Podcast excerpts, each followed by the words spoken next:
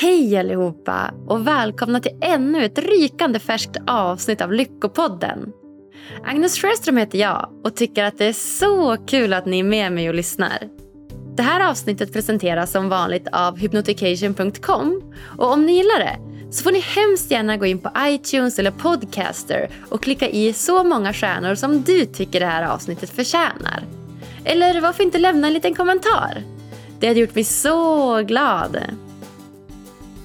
Idag har jag fått äran att prata med en av mina stora idoler.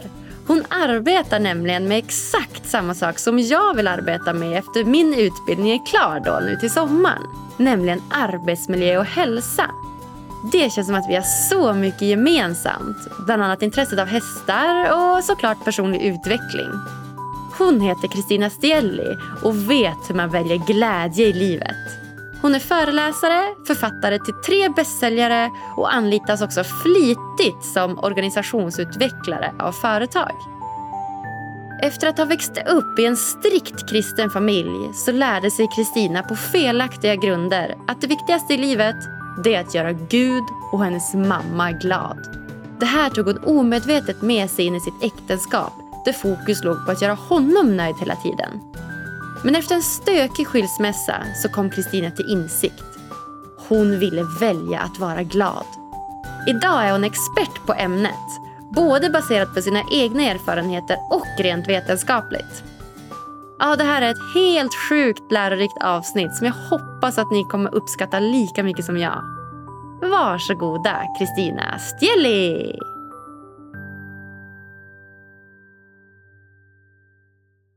Då säger jag halli hallå till veckans gäst, fantastiska Kristina Stieli. Tack så mycket! Åh, vad det här känns roligt och konstigt. Jättekonstigt. Ja, du sitter ju i din garderob på golvet med en mick framför dig. Ja, och så har jag dig liksom mellan mina knän, sitter du. Men visst är det häftigt ändå liksom hur eh, hur det här var helt omöjligt bara för några år sedan. Och nu är vi, särskilt du är ju jätteduktig på det här. Jag känner mig som en elefant i en porslinsfabrik. ja, jag kan ju säga att jag har fått lära mig den hårda vägen, så att jag har också känt mig som den där elefanten väldigt länge. Ja, men det är faktiskt en av de sakerna som jag tycker är så viktiga, att vi förstår att man lär sig inte så mycket om man inte gör misstag. Mm. Nej, men verkligen. Nej, men det är så helt det måste sant. vi göra. Ja. Mm. Jag såg ju ert eh, helt fantastiska live-event från Clarence Hotel där med talarnas. Ja, vi har ju startat en talarförmedling mitt under pandemin. Ja, ni tyckte det var rimligt att köra mitt ja, under pandemin? Ja, jag kände så här, vad, vad ska vi göra? ja, då hade vi ett live-event, det stämmer. Ja, och det var ju väldigt imponerad på den tekniken. Det var ju som, mm. nästan som att vara med i själva Clarence själv när man var, satt och tittade på er. Det var roligt. Ja, det var ju vårt syfte, men då hade vi ju proffs, superproffs med oss mm. eh, som roddade allting. Och det var väl, eh, alltså vi startade Talarnas, det var ju naturligtvis egentligen bara på grund av att det kom en pandemi och, och, gjorde mig arbetslös. Vi var ju några stycken som förlorade alla våra jobb. Eh, alla vi som jobbar med mötesindustri och, och, och, och så. Så att, eh, då fick vi tid att göra andra saker och jag lärde mig galoppera i somras. Ah, är det ja, sant? Men gud! Ja. Stort grattis! Jag är ju Tack. gammal hästtjej. Jag har ju tävlat länge på elitnivå i hoppning. Är du? Nej! Ja. Alltså, jag satt i eh, i eh, maj var det väl, april, april var det väl, maj, då när den värsta chocken hade lagt sig. Och eh, alltså Jag hade ju förlorat alla jobb och eh, ja, det var ju helt blankt, både liksom i lönekuvertet och i kalendern. Och Då tänkte jag så här att jag kan inte sitta här och och, och tillåta mig att bli så mer liksom nere. Jag måste ha någonting att, att eh, sträva efter. Och Då sa jag att jag ska lära mig att galoppera i sommar. Jag hade att välja på det och att gå ner i spagat. Det är också någonting som jag tycker skulle vara spännande att kunna. Men då valde jag galopp, så att nu kan jag galoppera. Ah. Och Det är jag ah. jätteglad för. Mm. Ja, grymt. Ja, men det är ju en helt fantastisk känsla bara att få vara tillsammans med hästar och bli ja. ett med hästen och lära sig att kommunicera med ett annat djur. Det är ju fantastiskt. Det har mycket med en personlig utveckling att göra, tycker jag. För att eh, jag förstod ju det att det, det, var en märklig känsla när jag släppte när jag släppte mitt behov av att kontrollera hästen och, och, och liksom slutade hålla så vi håller så hårt i vissa saker så här, så fick hästen istället kommunicera, alltså kraften ifrån hästen blev liksom min, inte tvärtom. Jag ville trycka ner min kraft i hästen. Det, var inte alls, det gick inte alls lika bra. Så att när jag lärde mig att eh, släppa kontrollen så fick jag kontroll. Det var, väldigt, det var en väldigt eh, Ja, det var mycket personlig utveckling där. I, vi red i eh, fjällen uppe i Vemdalen. Ja, vad härligt. Ja, mm. Vilken himla bra liknelse. Att man måste släppa kontrollen för att någonstans få kontroll. eller så. Det ja. var ju Riktigt bra liknelse. Det är samma sak när man är där inne på tävlingsbanan och ska hoppa de här stora 1,30, 40 50 hindren. Och man vill ju bara kontrollera allt själv in i minsta detalj.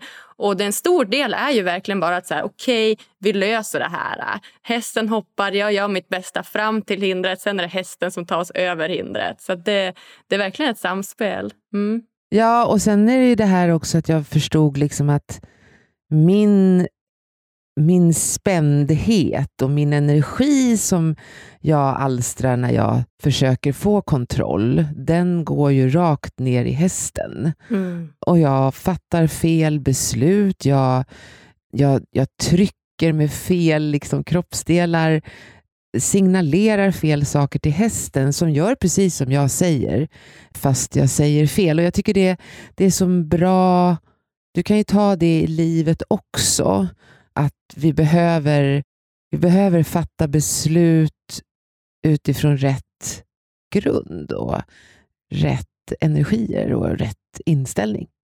Ja, men så himla sant. Ja, jag är superglad att du vill komma och gästa oss här, Kristina. Tusen, tusen tack!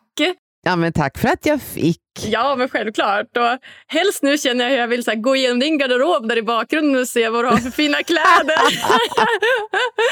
men jag tänker att vi ska gå in på dagens ämne istället. här då. Det gör vi. Och eh, Målet idag är att prata om ett av dina expertområden som just är att välja glädje och hur man faktiskt gör. Men Först så tänkte jag att vi skulle gå in ett tag på dig och din bakgrund och hur du faktiskt har kommit att bli den fantastiska kvinna som du är idag. För jag vet att det har ju inte alltid varit en, en lätt väg och du har ju själv blivit rätt utmanad med att välja just glädje i livet. Så det har inte alltid varit så lätt. Så jag tänkte att du skulle få börja berätta lite om din uppväxt och hur den har varit. Alltså, det är ju det är ju tack för det första. Eh, men, men man kan väl binda ihop det lite grann med det som jag pratar mycket om idag, som är en av byggstenarna. För när man pratar om glädje så, så är det väldigt provocerande för en del. Och det vill jag liksom börja med att säga att, att det handlar inte om att man ska liksom hoppa upp ur sängen och vara glad på morgonen bara för att alltså strunta i allting runt omkring. Det handlar inte om det. Det handlar om att bygga någon form av vad ska vi säga, en, en, en, ett pussel. Ett pussel som blir min källa till glädje. Alltså där jag hämtar, även när det är svårt. Och då är en av de här sakerna som är så viktiga när man ska må bra och när man ska kunna ha en positiv attityd till saker och ting, det är drivkraften.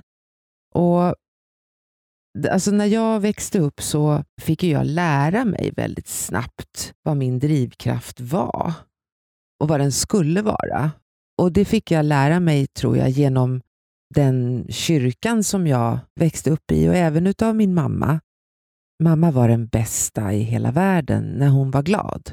Men när hon inte var glad så var det som ett mörkt täcke liksom la sig över hela familjen. Man visste liksom så här i luften att nej, nu är hon inte glad. Och Det stod väldigt snabbt klart för mig att om jag gjorde som mamma sa att jag skulle göra, så var hon glad. Alltså min drivkraft blev ju snabbt att se till så att hon var glad. Och sen har vi Gud här också, då, då för han spelade ju en stor roll. Man var ju tvungen att se till så att han var glad också. Och eh, det var lite svårare, en större utmaning, för att han hörde ju också vad jag tänkte.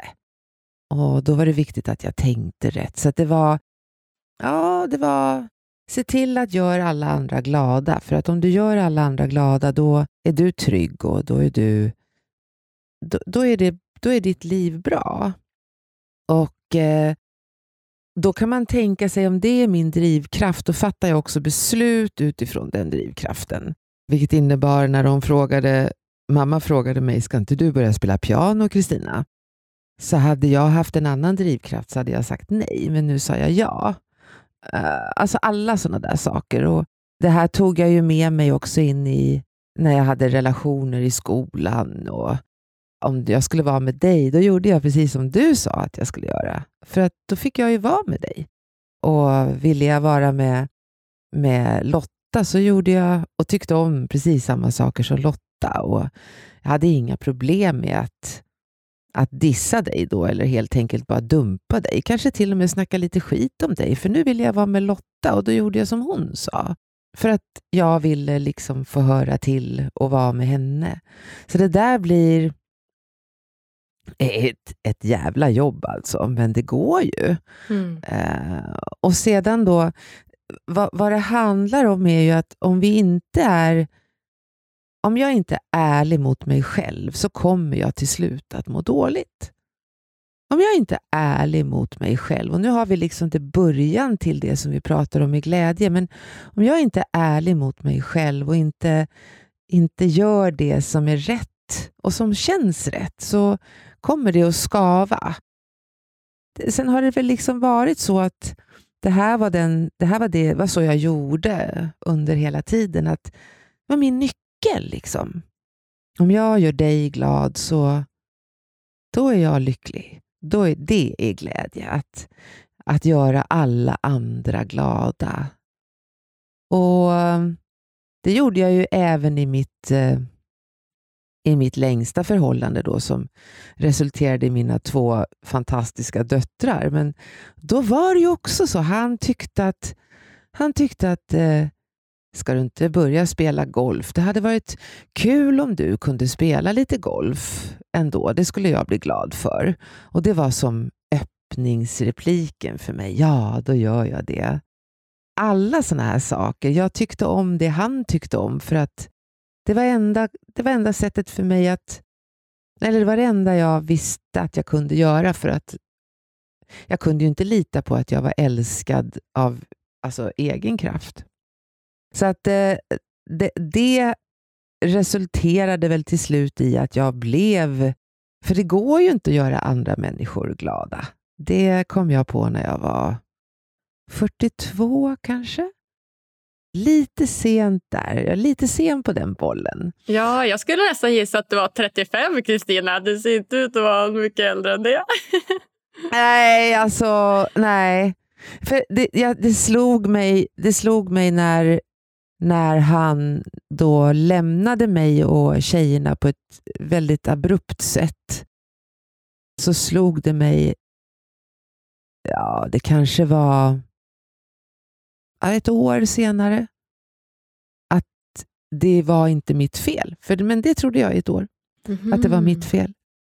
För jag hade ju inte lyckats göra honom lycklig. Och det var ju ett stort misslyckande. Eh, så att eh, ja, det var ett uppvaknande. Och, och, och, och, då blev det liksom väldigt tomt för mig. Vad ska jag göra då? då? Vad, vad, vad är liksom, vad är glädje då för någonting? Vad är det för någonting som är... Eh, vad ska jag drivas av om jag inte har, har det längre? Det var väldigt... Eh, det var, det var ett abrupt uppvaknande liksom att förstå att du kan inte göra andra glada. Det är inte ditt jobb. Och då visste jag inte riktigt hur jag skulle göra. Då visste jag inte riktigt vad jag skulle hålla på med. Så någonstans så efter att ha levt ja, men då var det över 40 år med den slags teorin att göra alla andra nöjda så var det som att du kom till någon slags insikt om att det inte är det livet går ut på. Vad hände då när du kom till den här insikten om att det faktiskt inte är så livet behöver gå till? men alltså, det var ju som att ramla ner i en... Alltså, att liksom ramla ner i någon form av höbal. Man bara, va? Men vad var det? Vad, vad, vad? Då visste jag ju inte vem jag skulle vara. Och jag vet att jag efter den här tiden när det blev så här så var det en av mina absolut största problem. Det var, vem är jag då?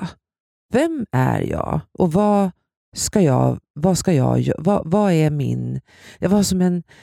Ah, gud, jag var som en liksom båt som hade slitit sig, som bara låg och drev på havet. Jag hade liksom ingen, eh, ingen kompass. Och Jag vet att det är många som säger att det är klart att man ska jobba för att andra ska vara glada. Absolut.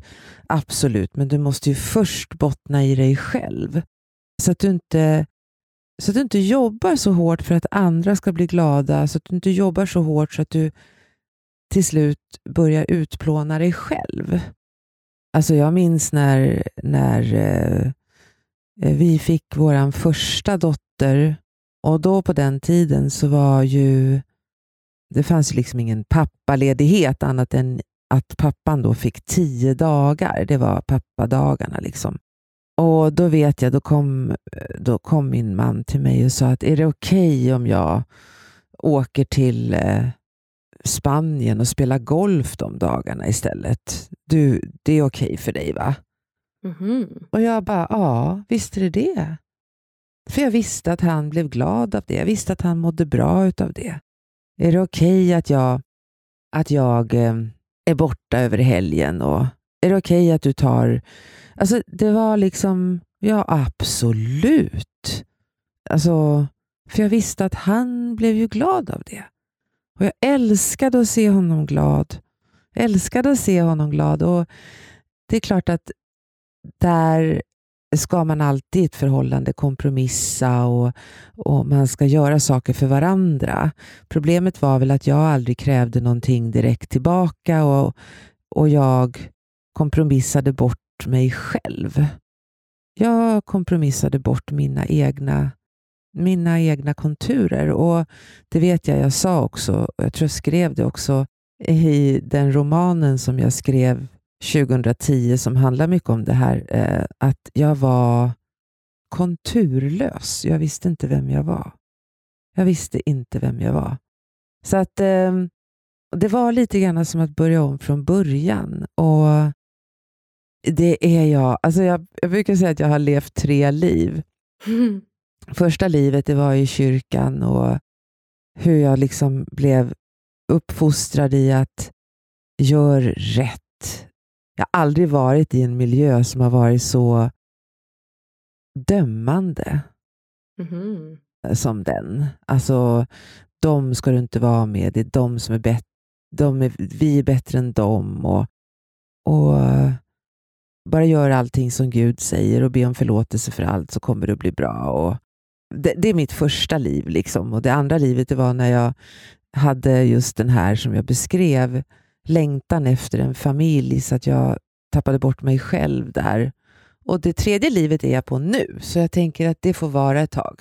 Det kom bara en pandemi emellan som gjorde att man fick verkligen träna på vad det var för någonting man gick. Det var ju spännande när man förlorade alla jobb och, och jag sitter och pratar om att man ska välja att vara glad, för det är roligare och för att det blir lättare och för att vi jobbar bättre och vi mår bättre när det kommer en pandemi. Men det är en annan sak. Ja, ja men shit så spännande. Ja, du har verkligen varit med om, om många livsomvälvande händelser. Och jag tänker just på den här situationen då när, när du och din man hade haft en just abrupt separation och ett år senare så så förstod du att det handlar inte om att göra alla andra glada. Hur, hur kom du till den insikten? Var det något speciellt som gjorde att du kom dit?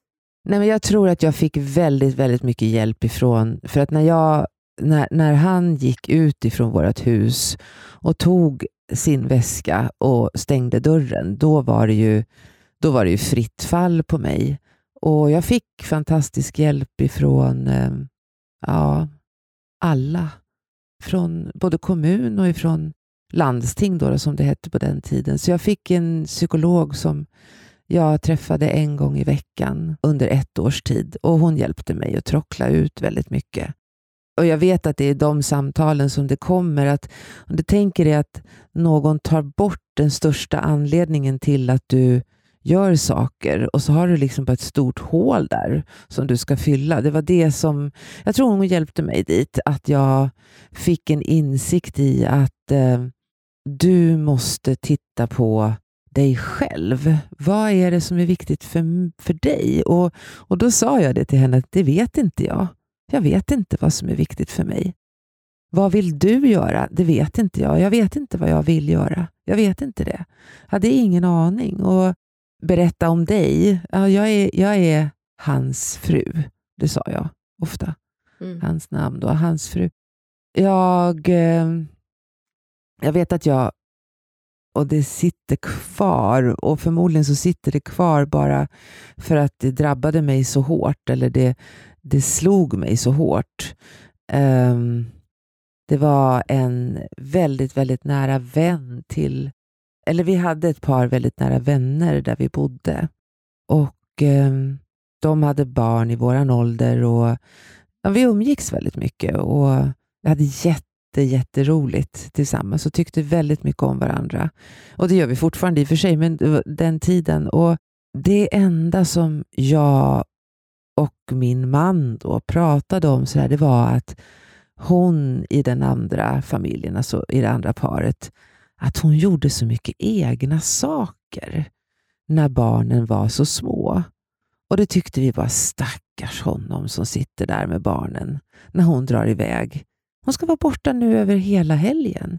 Och alltså, det här är sån, det här är sån mossig det här är sån ur, alltså, om det är någon som lyssnar nu så kommer ni säga vänta, jag måste gå ut på toaletten och kräkas. Det är helt okej, okay, gör det.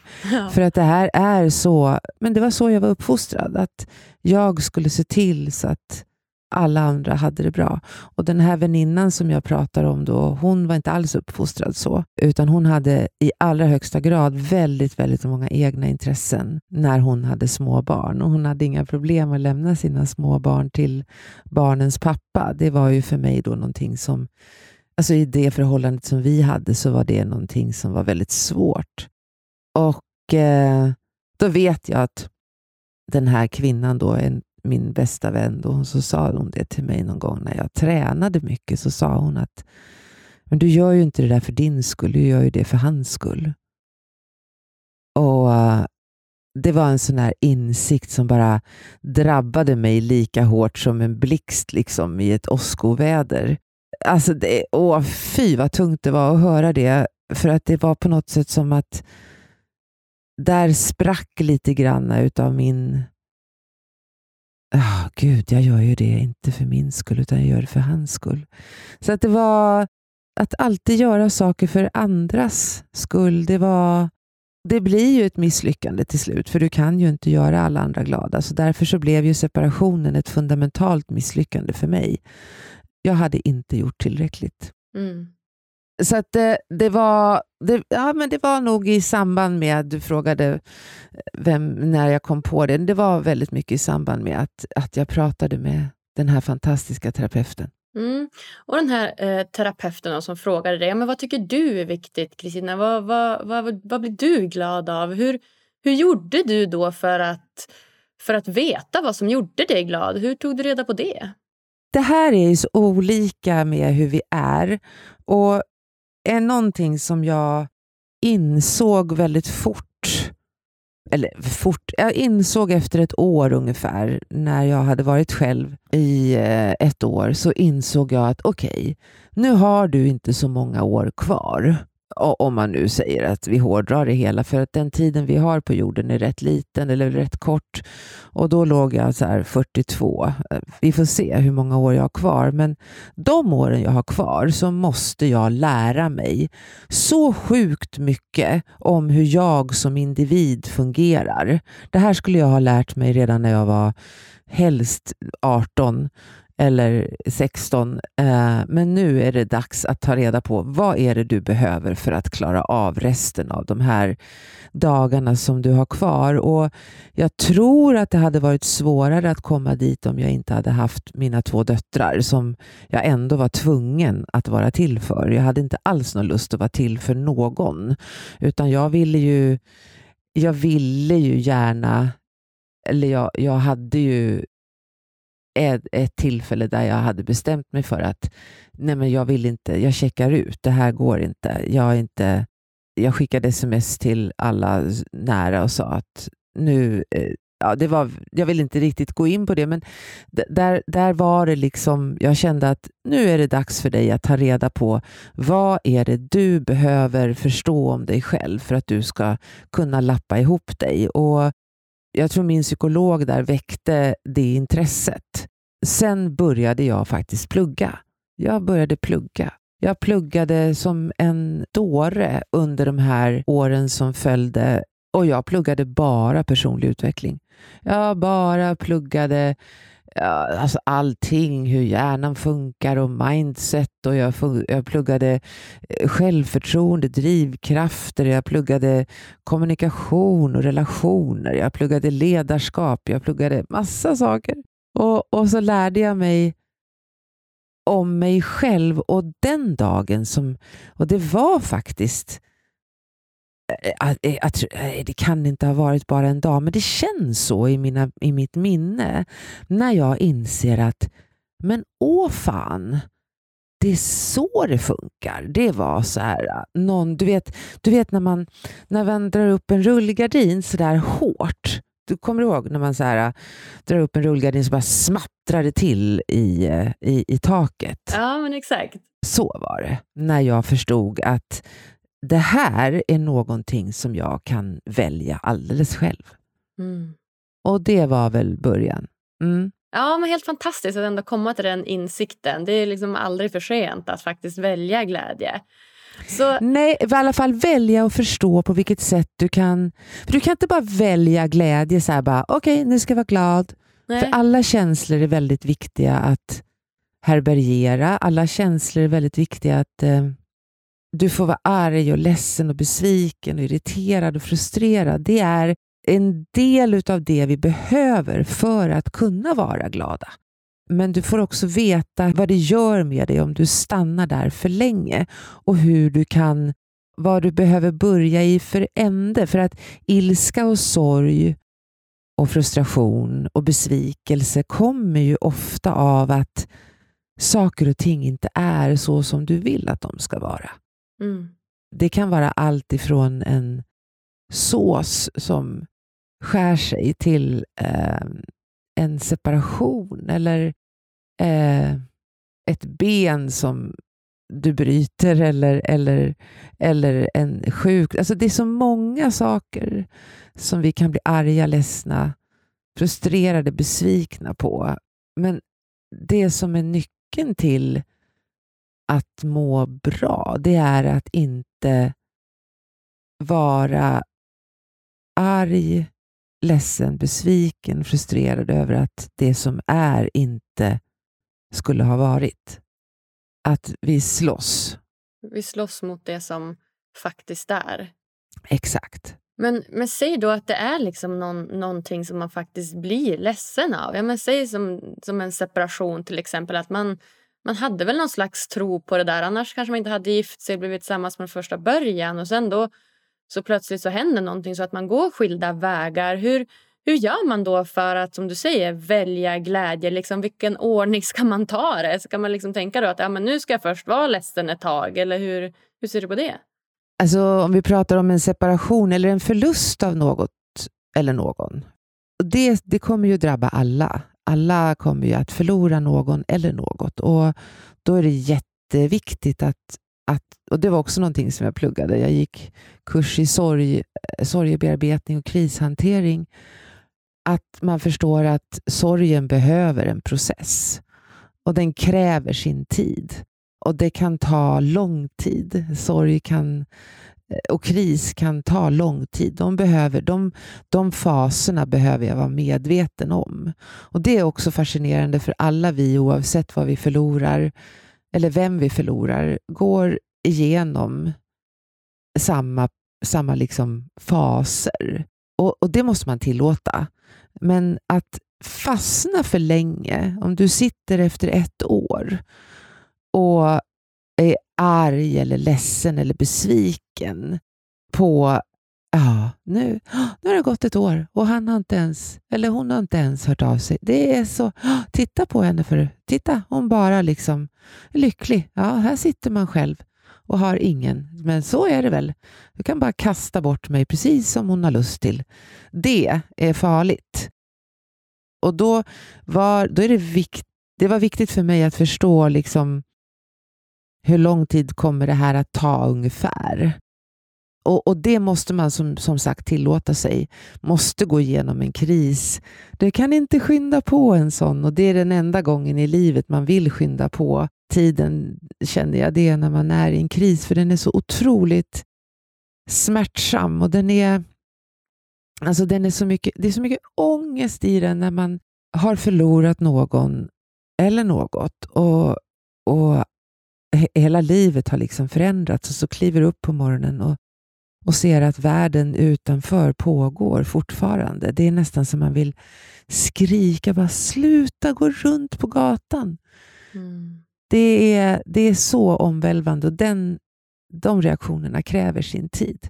Men vad jag menar är sen, och då handlar det om att eftersom våra hjärnor är skapta för att, vad ska vi säga, stanna mera i det negativa än det positiva. Våra hjärnor är skapta för att uppskatta det negativa mer än det positiva.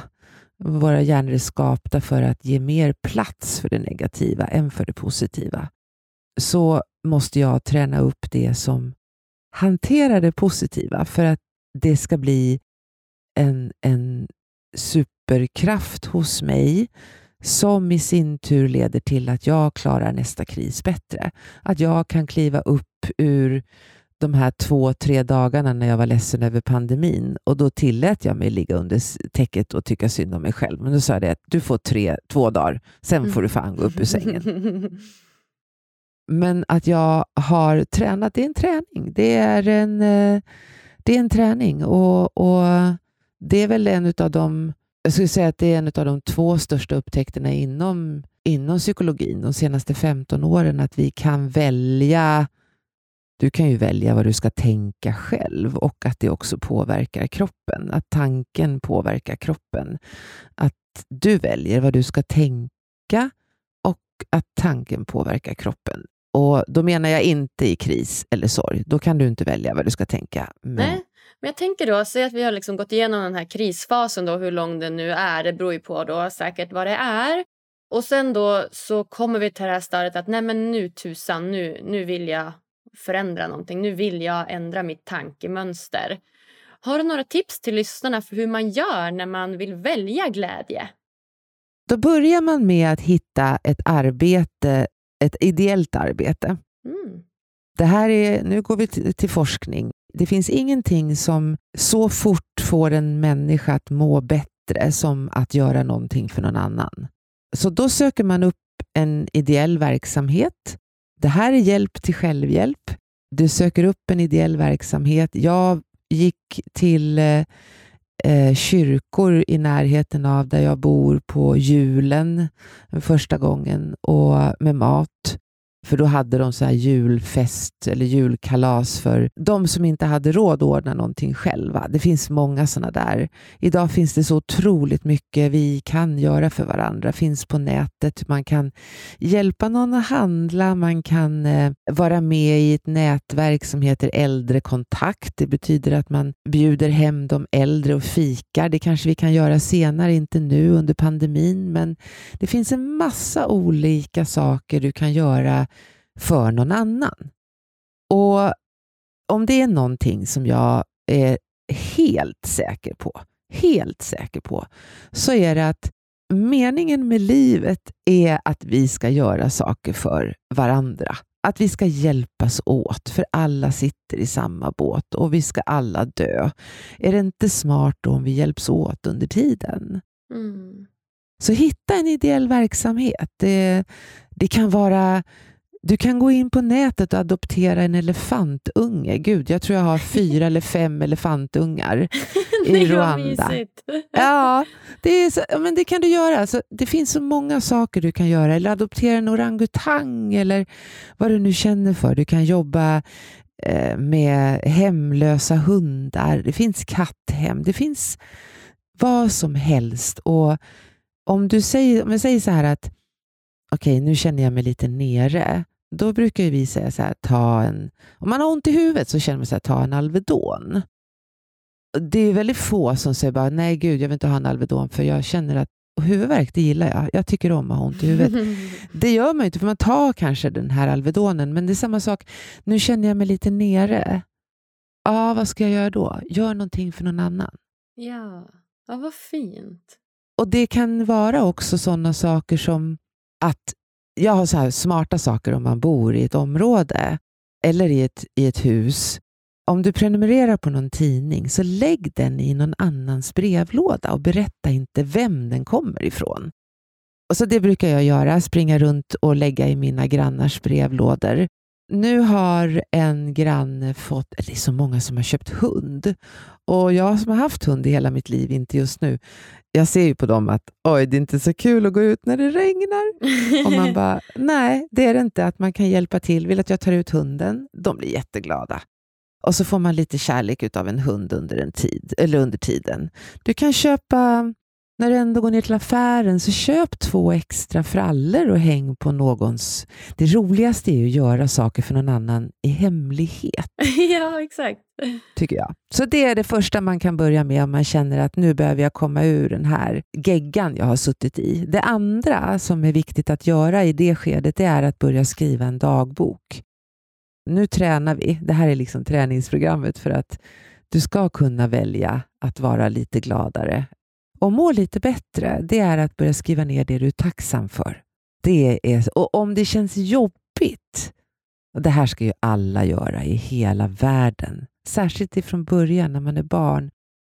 Skriv ner det du är tacksam för och om det känns, om du känner så här bara, ah gud, nej vad löjligt, då är det ett superbevis på att du behöver det. Just det om du känner bara ja, det ska jag göra, då är du förmodligen rätt vältränad inom det området. Men om du känner så bara aha, aldrig i livet, då är det mycket som vi behöver göra där. Och det har man gjort studier på. Jag beskriver det i någon av mina böcker. Eh, man har gjort studier på hur människor på ett möte, när man börjar mötet, vuxna människor, med att gå laget runt och fråga vad är ni tacksamma för idag? Berätta vad du är tacksam för och vad är du tacksam för? Och så går man mötet runt eller laget runt. Man får en avsevärd bättre uppmärksamhet mellan varandra. Man låter varandra prata till punkt på ett helt annat sätt när mötet sen fortsätter.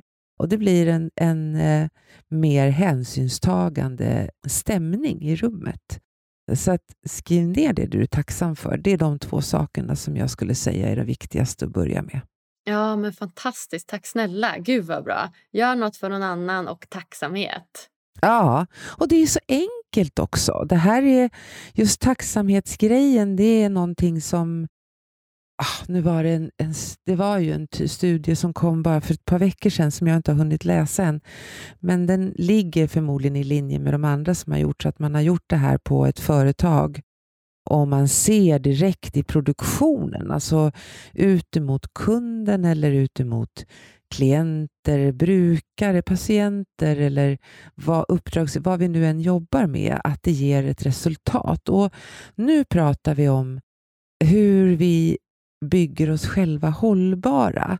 Och nu när man, om man gör de här två sakerna med att, att vara generös, jobba ideellt och så vidare och även då skriva ner det du är tacksam för, då har vi redan börjat bygga bort risken att fastna i ett ältande över kanske ett, en separation eller en, en sorg, en förlust. Du har förlorat jobbet kanske eller, eller någonting sånt där. Då är vi redan en bit på väg. Så det är viktigt att veta. Mm. Ja, wow. Så spännande. Om jag skulle få kräma ur dig en tredje och sista grej som man kan göra för att, för att träna på att välja glädje, vad skulle det vara då? Eh, alltså det är ju, nej, du får ju inte en grej. Det här är ju faktiskt eh, det är ju lite grann som om man tänker att, att eh, för vi vill ha det så lätt, eller hur? Mm, mm. Så att om man ska... Alltså, eh, eh, eh, får jag, säga, jag, tar tillbaka, eller jag går tillbaka ett par år i tiden, så har jag alltid känt så här att Gud, jag vill bli så här, jag vill bli duktig på att springa. Alltså, min lilla syrra springer och, och jag blir nästan arg på henne för att hon springer. Och Jag vet ju att jag blir arg bara för att jag är så avundsjuk. Så då tänkte jag, jaha, men då får jag väl för fan se till att börja då. För att det är ju det här att man har i huvudet precis hur man vill att det ska vara, men sen måste man ju träna.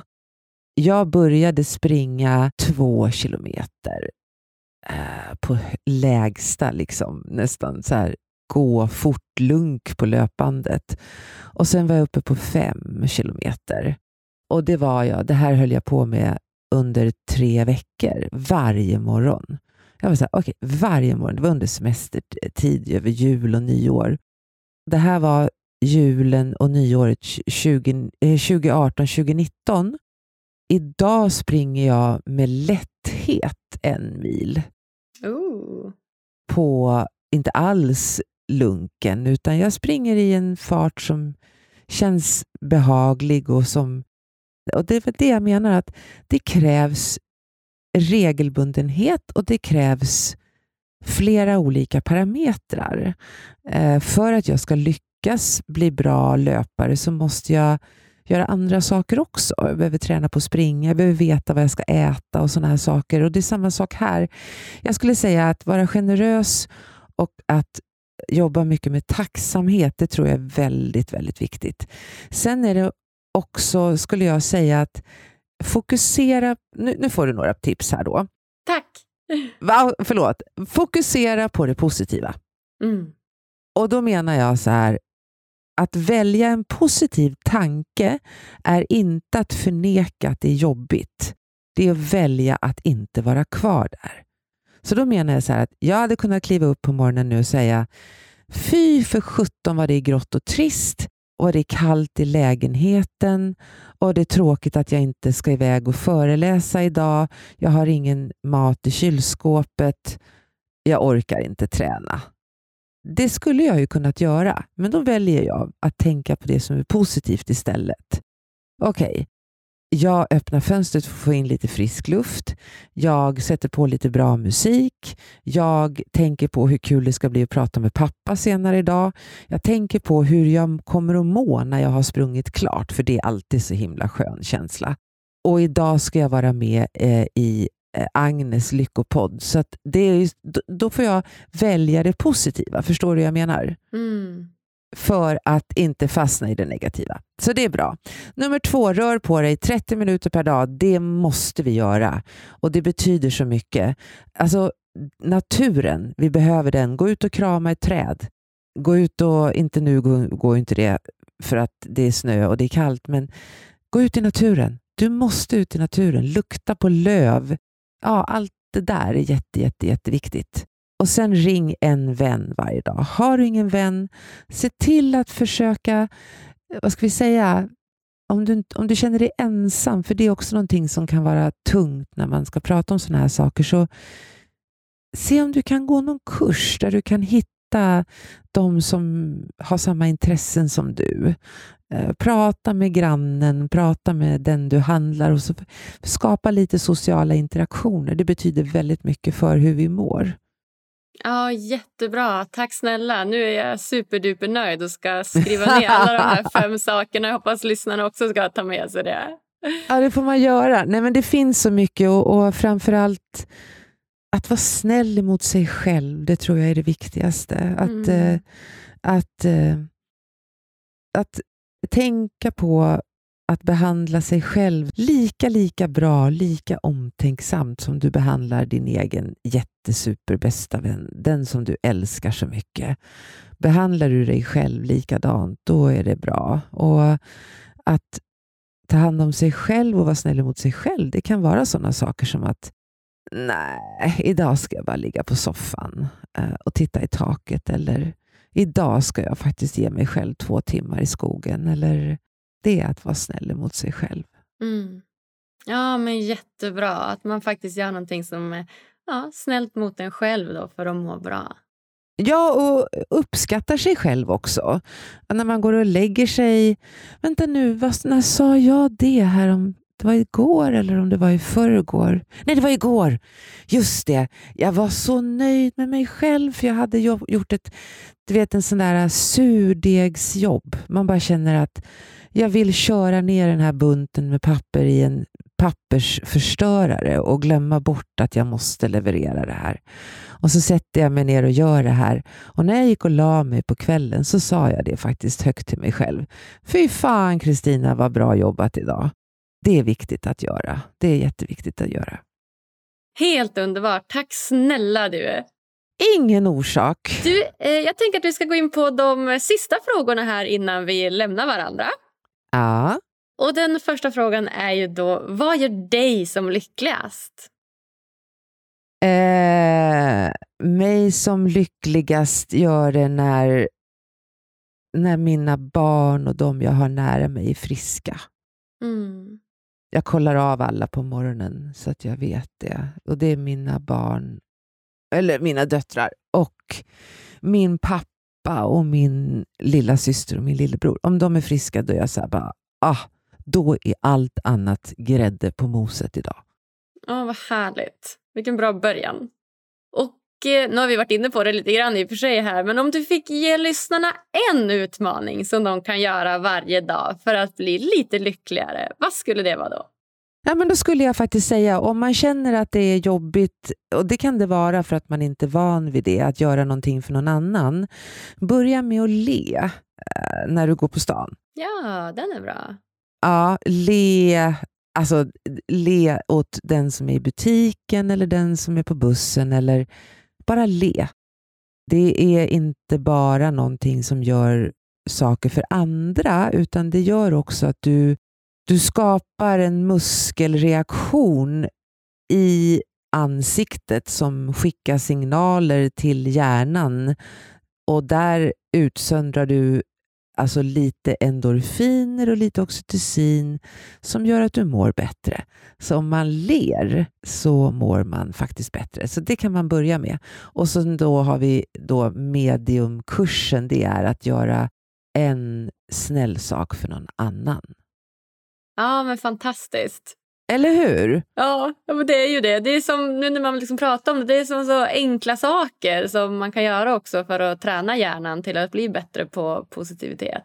Precis, och det du säger exakt. Visst är det konstigt att det är så enkelt och ändå så svårt. Vad tror du att det beror på? Ja, alltså bra fråga. Som du säger, det är så enkelt och så svårt. Alltså, Dels som du säger så är ju hjärnan utformad för att leta efter faror och hot så att vi är ju lite uppförsbacke redan där. Men jag tror också det handlar om att få in någon slags rutin i det här. Att faktiskt aktivt göra det. Liksom, jag tror det är tre veckor man ska göra något för att det ska liksom sätta sig och bli någon form av rutin. Så att man är liksom noga just där i början att faktiskt skriva ner de här sakerna man är tacksam för och försöka leta efter de positiva tankarna och det här precis. Ja. Och det var precis så. Det är det jag menar lite grann när jag tog den här äh, jämförelsen med att springa och träna och så. Eh, du, måste ha, du måste göra det till en rutin. Mm. Och, att, eh, och då måste det liksom ske varje dag. I början måste man påminna sig. Och jag tror kanske också att vi är vi har blivit lite självupptagna. Man får lyfta blicken ifrån mobilen och kolla. Det pågår ju faktiskt en massa saker här runt omkring. Uh, så att, uh, men det är bra det du säger, tre veckor det kan man ge i alla fall. Och så kan man se sen efter tre veckor, har det hänt någonting eller var det som vanligt? Eller hur? Ja men verkligen. Jag lovar verkligen. att det har hänt något då. Ja, exakt. Och har inte det, nej, men då får man väl fortsätta lite till. exakt. Eh, vem hade du velat ska gästa Lyckopodden? Oh, my god. Eh, nu ska vi se här. Vilka har jag? Lyckopodden skulle ju då vara... Har du haft, du har haft Tobias. Ja. Och eh, du har haft Frida.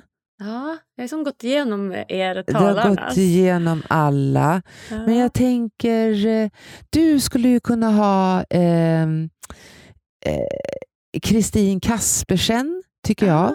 Ah, okay. Hon kommer med en ny bok nu och eh, det tror jag handlar... Hon har också en väldigt, väldigt fin syn på det här. Eh, och inte minst efter hennes mammas bortgång som ju var någonting som hela Sverige eh, sörjde ju. Där tycker jag nog att du kan se. Sen så tycker jag att du kan kolla med... Eh, hmm. Oj, vad svårt. Magdalena Forsberg. Ah, idrottaren? Ja, Åh, hon, är så tre, alltså hon är så trevlig som man vill flytta hem till henne. Nej, vad kul! Ja, nej men hon är som en... Åh, vad jag tycker om henne. Och då har jag bara träffat henne, eller har jag ens det? Jag vet inte. Jag kanske inte har träffat henne. Eh, men vi pratar på mail och hon är så fantastiskt trevlig. Sen har du Karin Singmark med Z. Okay. Eh, ja, men alltså hon, är ju, hon är ju som en, en tidigare chef på Microsoft och en av mina kollegor skriver böcker, skriver om mod. Hon är, hon är klok som mm, alltså få. Det är, det är såna där människor som vi kanske inte hör så mycket av och med, men som är Nej, hon är, hon är fantastisk. Hon är så grym alltså. Så det är nog de tipsen jag skulle ge dig. Johan Ronnestam också. Det är en kompis till Karin, kom jag på nu. Han är också han är designer och jobbar mycket med sådana saker. Sen har du ju en av mina finaste vänner som är Alltså han är så genomgod och det är Magnus Skogsberg. Han som är i ICA-reklamen, eh, Magnus. Hans, han... Eh, är det Stig han, eller? Nej. nej, inte Stig, utan eh, den mörka killen. Eh, den snyggaste av dem. ja, just det. Eh, ja, nej, eh, Magnus Skogsberg är... Han är en otroligt genomgod och fin människa och han pratar väldigt mycket om självmord. Hans pappa tog sitt liv och eh, han har eh, ja, han, har, han har processat det här och, och, han har gjort det på ett sätt som är väldigt, väldigt, väldigt lärorikt för väldigt många tror jag.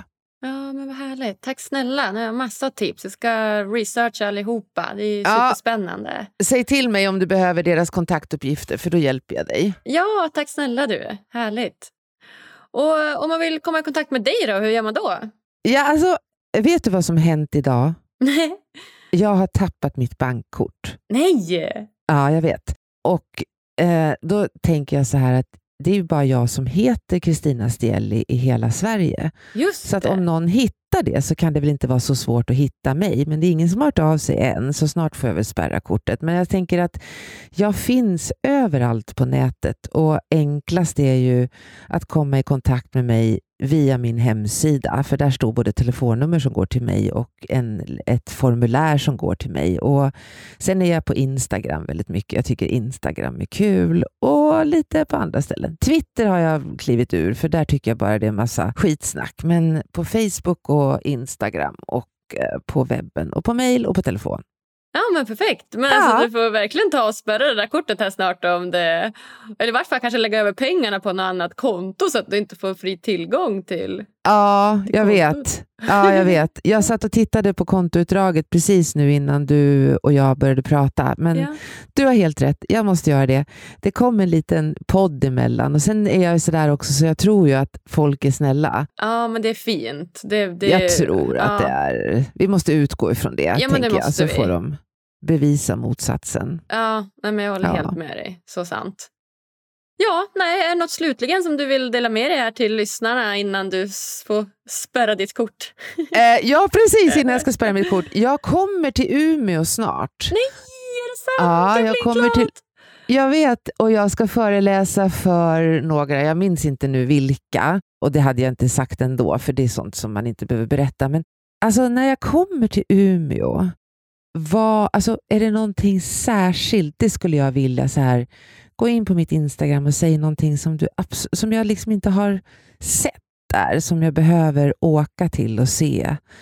Och, och, och, kan inte fixa så jag får se norrsken, det skulle jag bli glad för. Åh, det hade jag verkligen. Ja, jag ska försöka trolla så jag kan fixa ja. fram lite norrsken här. Ja, jag önskar att jag fick se det någon gång. Och jag har, jag har nästan sett det en gång och det var när vi flög upp till Umeå för flera år sedan.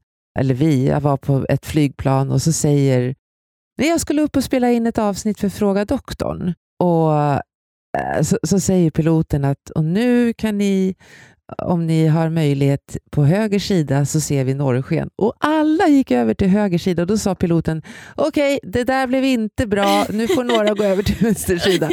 Och då kände jag mig så väl uppfostrad så jag gick över till vänster sida så då missade jag det. Det är närmast jag har kommit. Ja, men det var nära. Jag ska säga att jag har inte sett något i Umeå tror jag. Det är bara när vi är i fjällen som jag har sett någon norrsken. Jaha, okej. Okay. Det är inte jättevanligt tror jag. Nej, jag tänker att när, norr om Uppsala borde det finnas norrsken. Ja, jag. jo man tycker det.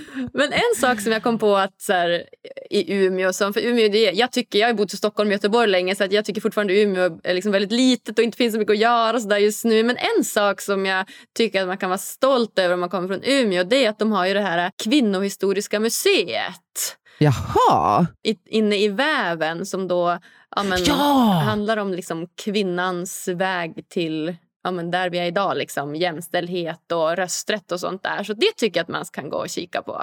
Det ska jag verkligen göra, för jag har lite tid över nämligen den dagen. Det ska jag definitivt göra. Väven är ju så vackert. Alltså. Ja. Vilket otroligt område det har blivit där nere. Ja, men de har gjort det bra. Eh, det har blivit mysigt. Ja, ja. Jättefint. Ja, men så jag kommer snart. Ja, men vad härligt. Och jag träffar ja. dig också gärna. Jag kan följa med dig och gå på Väven ja, och kolla på jag hör museet. av mig till dig. Ja, jag hör av mig till dig, Agnes. Kul! Vad glad jag blir. Ja, nej, då säger jag bara tack, tack, tack snälla Kristina för att du kommer gästa oss här på Lyckopodden.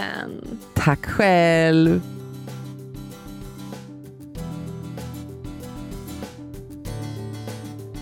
Åh, mysigaste Kristina.